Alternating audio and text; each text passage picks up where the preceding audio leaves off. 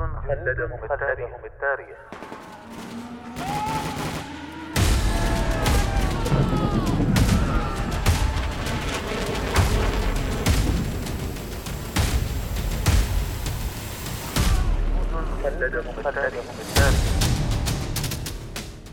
كم يفخر التاريخ العسكري برجال كتبوا سيرهم في سجلاته بحروف من الجهد والتضحية والعطاء. فبقت أسماؤهم خالدة باقية مثالا لمعنى الجندية التي دبت خطواتها كل شبر من أرض الوطن. جنود خلدهم التاريخ. برنامج أسبوعي نتعرف من خلاله على الجنود الذين ضحوا بحياتهم من أجل أوطانهم. يعده الدكتور هلال بن سعيد الحجري ويقدمه الرائد الركن. محمد بن سعيد المشيخي. ديبورا سامبسون.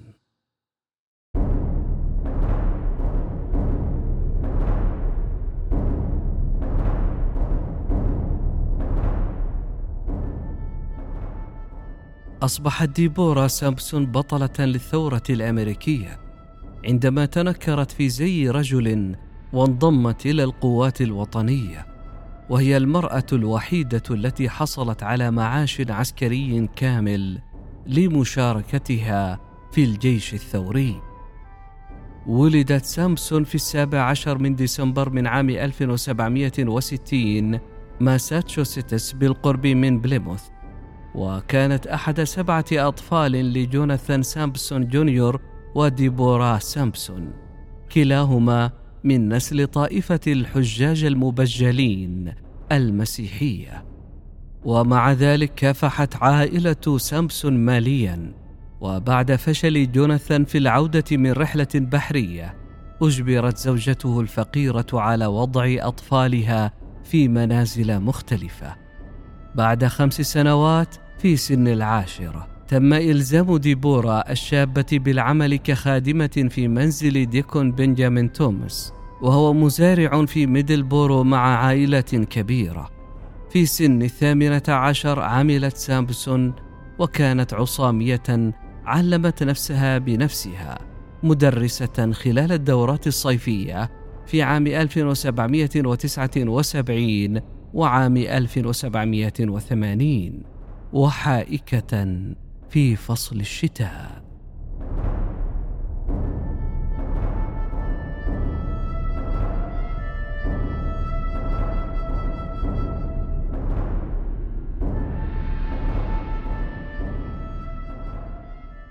في الثالث والعشرين من مايو من عام 1782 في سن الحادية والعشرين تنكرت سامسون في هيئة رجل يدعى روبرت شورتليف وتم تجنيدها في الجيش القاري للولايات المتحدة ضمن فوج ماساتشوستس الرابع. ثم انتقلت هي والمجندون الجدد الآخرون من وستر ماساتشوستس إلى ويست بوينت في نيويورك. أثناء وجودها في ويست بوينت اختيرت سامسون للعمل جزئيا مع قوات المشاة الخفيفة. وهي القوات الأكثر نشاطا في وادي هيدسون من عام 1782 إلى عام 1783 لكي يتم تجنيدهم في قوات المشاة الخفيفة كان على الجنود تلبية متطلبات محددة. لقد احتاجوا إلى ارتفاع لا يقل عن خمسة أقدام وخمس بوصات وكان عليهم أن يكونوا قادرين جسديا على الحفاظ على وتيرة مسيرة سريعة وثابتة وقد أطلق عليهم المشاة الخفيفون لأنهم سافروا بإمدادات أقل وشاركوا في مهمات ومناوشات صغيرة محفوفة بالمخاطر. أمضت سامسون معظم وقتها في الجيش في منطقة وادي نهر هيدسون السفلي في نيويورك. والتي كانت تعرف آنذاك باسم الأرض المحايدة. امتد موقع الأرض المحايدة في جميع أنحاء ما يعرف اليوم بمقاطعة ويستشستر في نيويورك، وكان يطلق عليها محايدة لأنها في موقع لا يطالب به أحد بين مدينة نيويورك التي يسيطر عليها البريطانيون ومنطقة شمال نيويورك التي يسيطر عليها الأمريكيون كانت الأرض المحايدة عبارة عن أرض خارجة عن القانون مليئة بالغزاة الوطنيين وحزب المحافظين الذين أرهبوا المواطنين الأصليين للولايات المتحدة.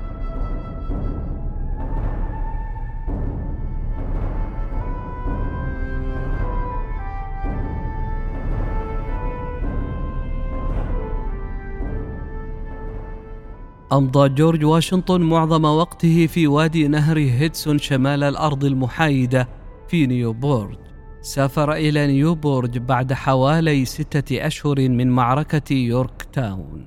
وبقي هناك طوال فترة خدمة سامسون في الجيش تقريبا من أبريل من عام 1782 إلى أغسطس من عام 1783 عاش واشنطن في مقر إقامة هاسبروك ليس بعيدا عن كانتون وينسور الجديدة حيث أمضت سامبسون شتاء عام 1782 وأثناء وجودها هناك عملت نادلة للجنرال جون باترسون في الأوقات التي لم تكن فيها مرتبطة بمهمات مع قوات المشاة الخفيفة.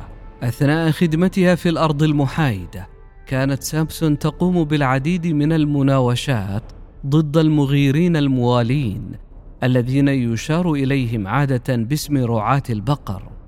خلال إحدى هذه المناوشات أصيبت برصاصة في كتفها ولم تستطع التماس العلاج الطبي المناسب دون الكشف عن جنسها الحقيقي. ففضلت أن تترك الرصاصة في كتفها وتواصل واجبها العسكري. خدمت سامسون دون أن يتم اكتشافها حتى فقدت الوعي بسبب ارتفاع في درجة الحرارة أثناء قيامها بمهمة في فيلادلفيا خلال صيف عام 1783 اكتشف الطبيب المعالج الدكتور بارناباس بيني جنس سامسون أثناء علاجها. كشف هويتها للجنرال باترسون من خلال رسالة. فسرحت من العسكرية بشرف في ويست بوينت في الخامس والعشرين من شهر أكتوبر من عام 1783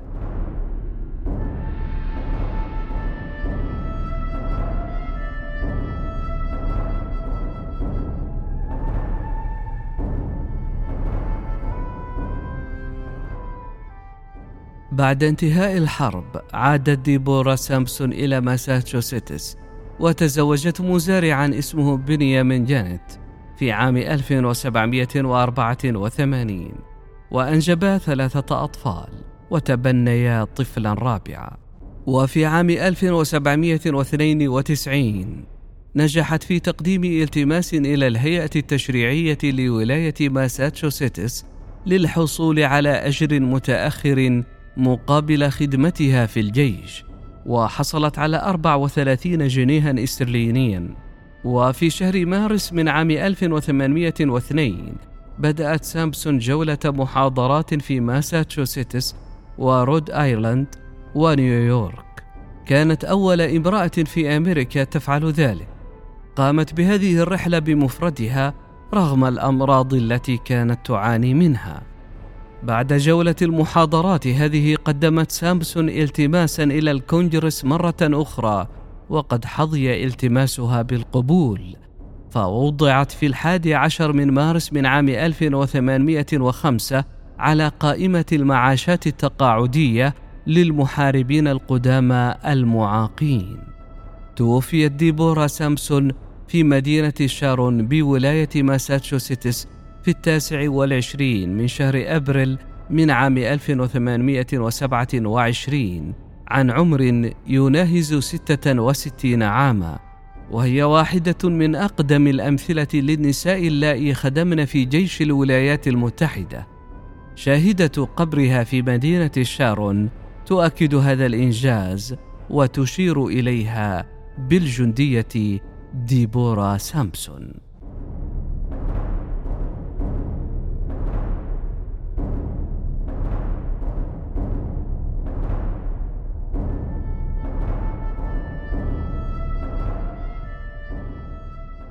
خلدت بعض الأعمال الفنية والأدبية هذه الجندية الشجاعة ومن ذلك عمل بورتريه لديبورا دراما في ثلاثة أعمال. وهي مسرحية لتشارلز إيمري ظهرت لأول مرة في مسرح كامدن هيلز في التاسع عشر من شهر فبراير من عام 1959 كذلك ظهر كتاب أنا ديبورا سامسون جندية الثورة في عام 1777 لباتريشيا كلاب وهو سرد خيالي لحياة سامسون المبكرة وتجربتها في الحرب الثورية. كما أعيد تمثيل قصة سامسون في العرض الأول للموسم الخامس من فيلم Drunk History حيث أدت الممثلة إيفن راشيل وود دور ديبورا سامسون. وهكذا أصبحت من الجنود.